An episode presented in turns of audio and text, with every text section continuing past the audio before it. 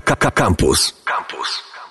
Dzisiaj na 97,1 FM odpowiemy na pytanie, jak i dlaczego robimy zakupy w czasie pandemii. Moją rozmówczynią jest dr Agata Romaniuk, specjalistka od ekonomii behawioralnej. Dzień dobry.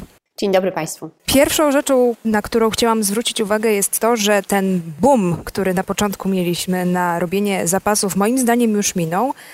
Tutaj chciałabym się z Panią e, skonfrontować, czy to jest faktycznie prawda, a z drugiej strony najwięcej teraz w internecie pojawia się takich haseł o tym, że robimy zakupy na poprawę humoru. Jak Pani zdaniem ta sytuacja teraz wygląda? Ma Pani rację, to znaczy ten pierwszy szalony raj do sklepów się zakończył i to, to zresztą było spodziewane, że się tak będziemy zachowywać irracjonalnie właśnie, dlatego że w sytuacji skrajnej niepewności, lęku i tego, że nie wiemy, co się wydarzy następnego dnia, ludzie podejmują różne działania, które mają na celu zredukowanie takiego ryzyka i takiego niebezpieczeństwa, na które mają wpływ. To znaczy, no nie jesteśmy w stanie powstrzymać globalnej pandemii, ale jesteśmy w stanie kupić dużo makaronu i kupić e, dużo papieru toaletowego. To nawet ma swoją nazwę i to się nazywa Zero Risk Reduction, czyli takie wyzerowanie pewnego ryzyka na które, na które mamy wpływ. Jak już to zrobimy, to czujemy się spokojnie. Nie wiem Państwa, ale nadal pod łóżkiem mam takie wielkie pudło makaronu, które pewnie będę jeść przez następne dwa lata.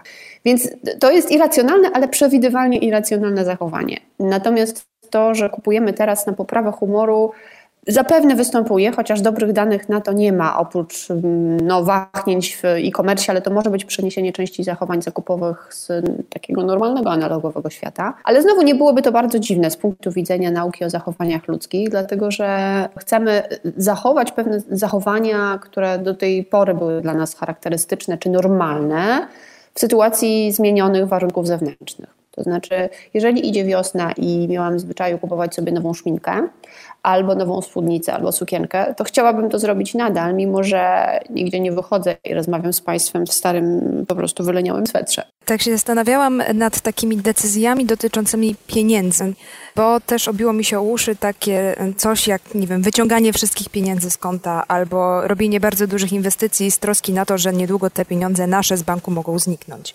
Nie wiem, w jakim stopniu mogłoby być racjonalne lub nie. Znowu, wynika to z tego, że mm, działamy, my w ogóle operujemy w dwóch systemach, w trybach myślenia. Systemie pierwszym i systemie drugim. System pierwszy jest taki bardzo impulsywny, irracjonalny, szybki, właśnie reaguje na byle bodziec nerwowo, a system drugi jest taki właśnie jak spokojny, starszy człowiek, rozsądny, wiele już widział, podejmuje decyzje po, po analizie wielu czynników. Natomiast właśnie epidemia jest taką sytuacją, która uruchamia raczej system pierwszy, to znaczy ciągle dochodzą nas różne niepokojące informacje, no na przykład to, że nie wiem, że złotówka spadła, prawda, a waluty się umocniły, albo to, że jakieś instytucje mają kłopoty finansowe albo firmy bankrutują. I te pojedyncze sygnały, nawet jeżeli nie składają się na ogólny obraz, który po wielogodzinnej analizie dałby nam podstawy do tego, żeby myśleć, że jesteśmy osobiście zagrożeni, to reagujemy impulsywnie. No i rzeczywiście w pierwszych dniach pandemii wiele banków zgłaszało, że w oddziałach skończyła się gotówka, bo ludzie przyszli i szturmowali te oddziały, żeby schować gotówkę w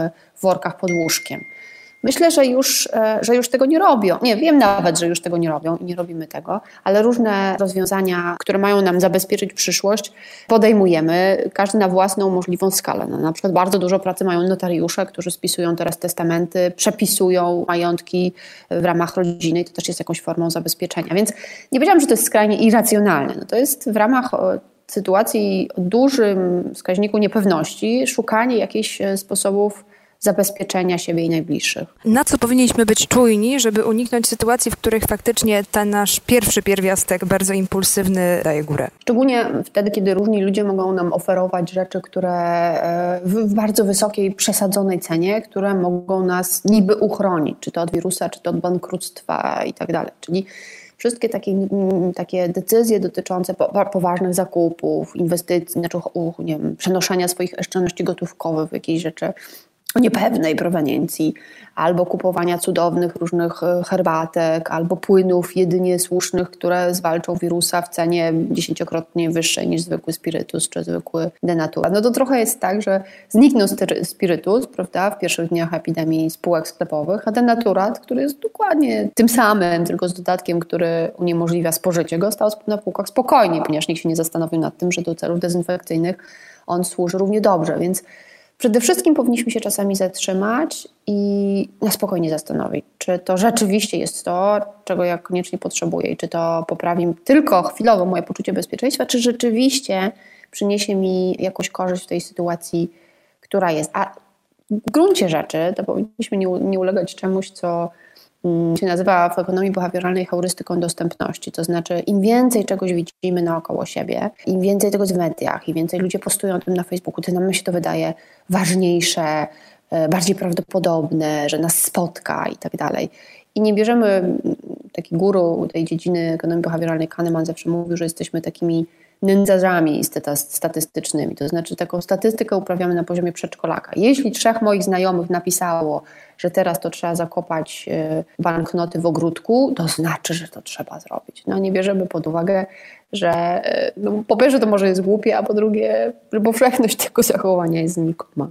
Więc spokoju, oddechy przede wszystkim przede wszystkim oddechy, bo widzę, że z jednej strony wpływają na nas nasi znajomi, a z drugiej strony wpływają na nas firmy. Wydaje mi się, że firmy niestety, ale mają bogatszy arsenał wpływania na nas. Jakie to są mechanizmy? O tak, oczywiście, że tak, e, ale nawet powiedziałabym, że firmy mniej są chyba tutaj winne, przynajmniej w tych czasach pandemii, bo w ogóle to bardzo.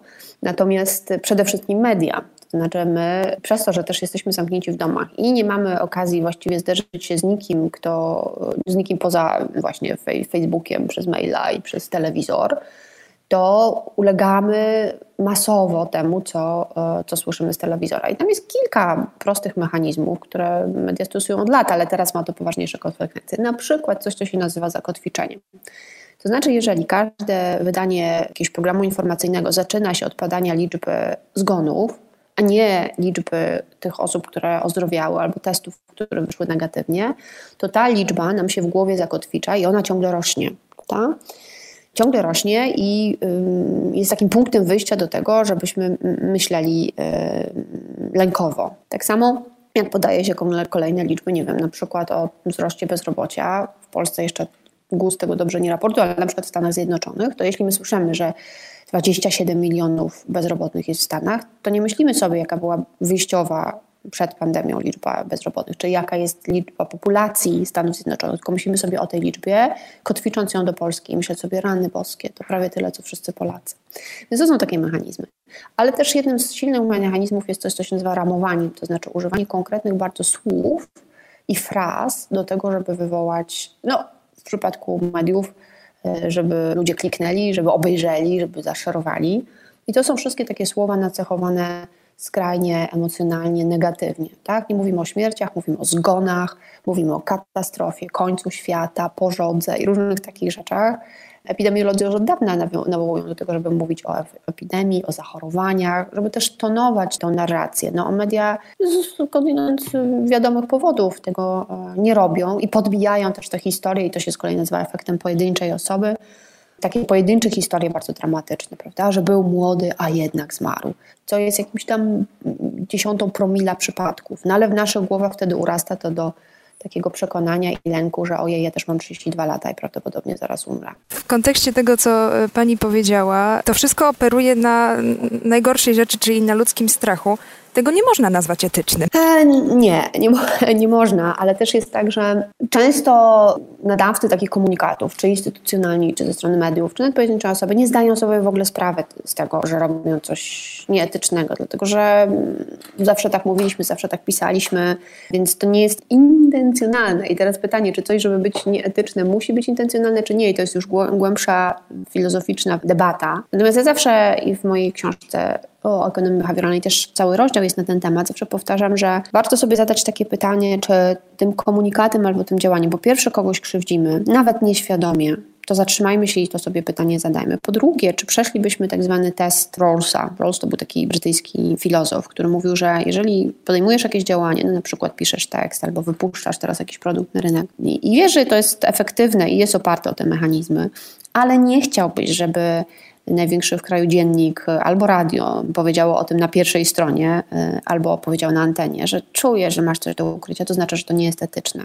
I to jest taki najprostszy test, taki test, powiedziałabym, papierek lakmusowy, czy stosowanie różnych tych mechanizmów wpływu jest etyczne.